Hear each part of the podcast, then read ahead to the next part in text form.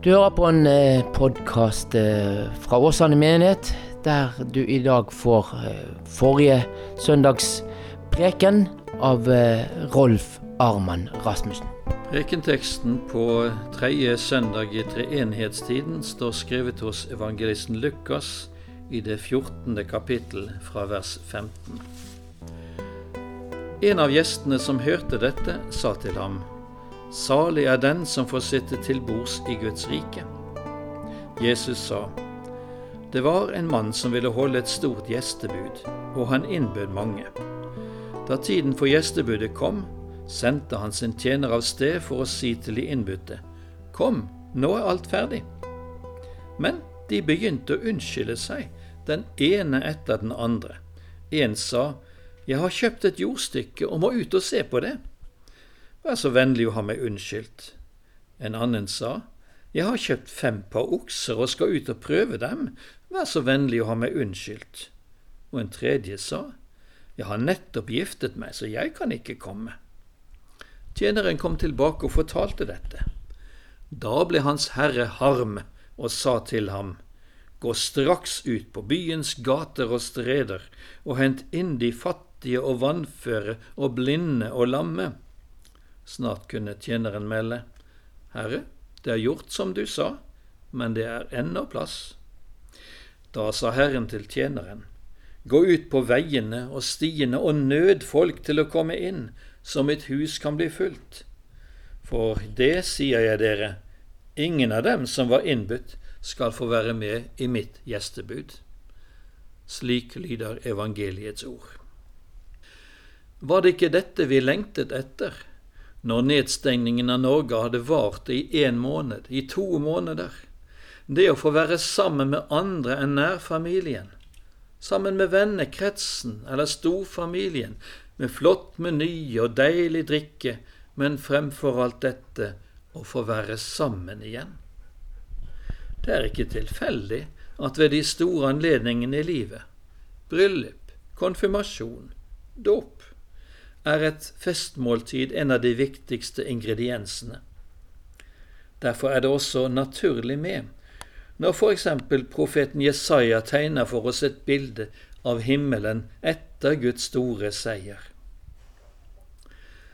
Dette kapittelet 14 hos Lukas begynner med at Jesus sitter til bords. Han er innbudt av en fariseer, og han har takket ja.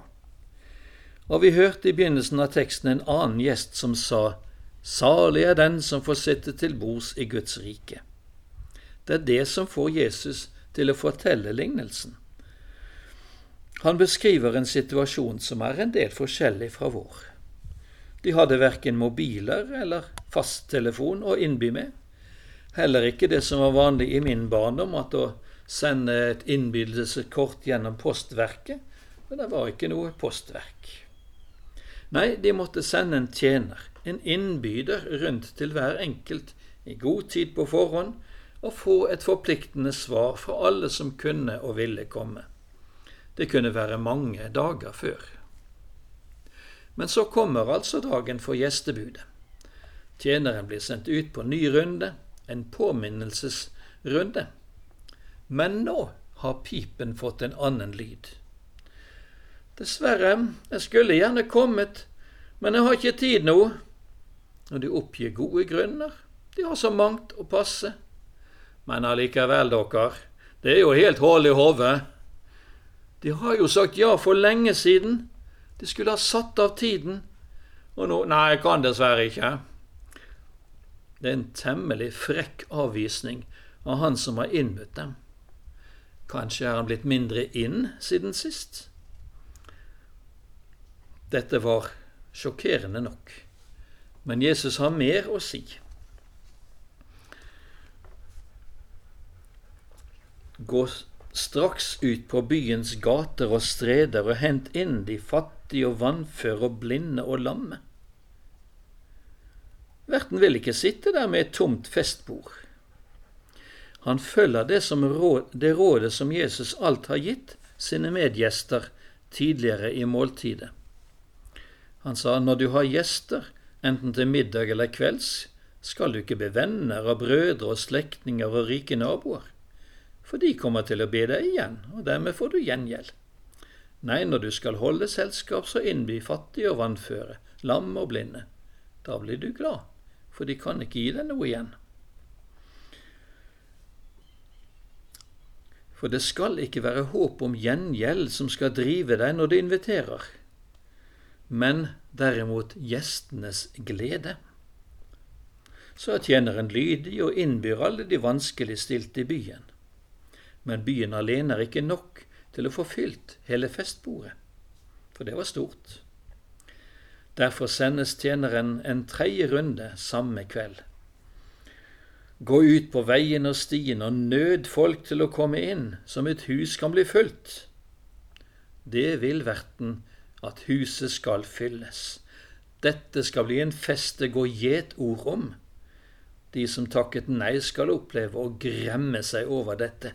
Den gikk vi glipp av.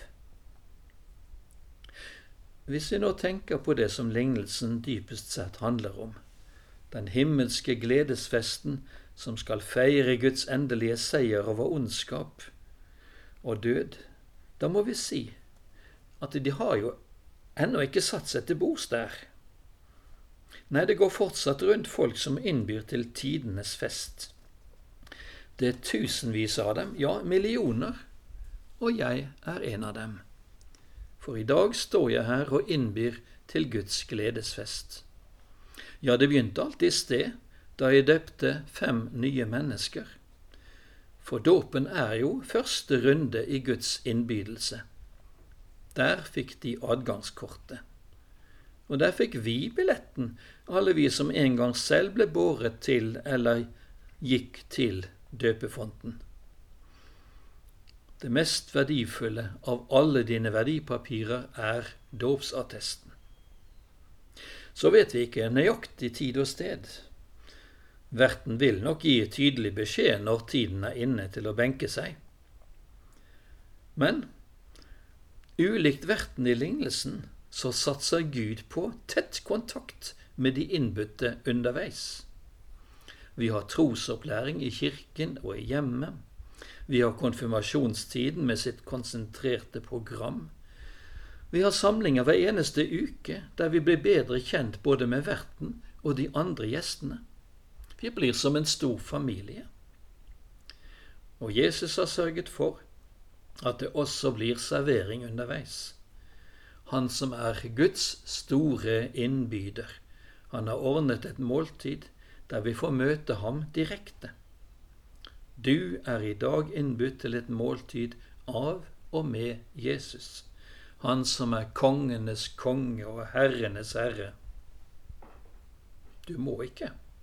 Jesus tvinger ingen, men han nøder. For han vil så inderlig at du en gang skal sitte til bords med ham i himmelens gjestebud. Ære være Faderen og Sønnen og Den hellige ånd, som var og er og blir en sann Gud fra evighet og til evighet. Amen.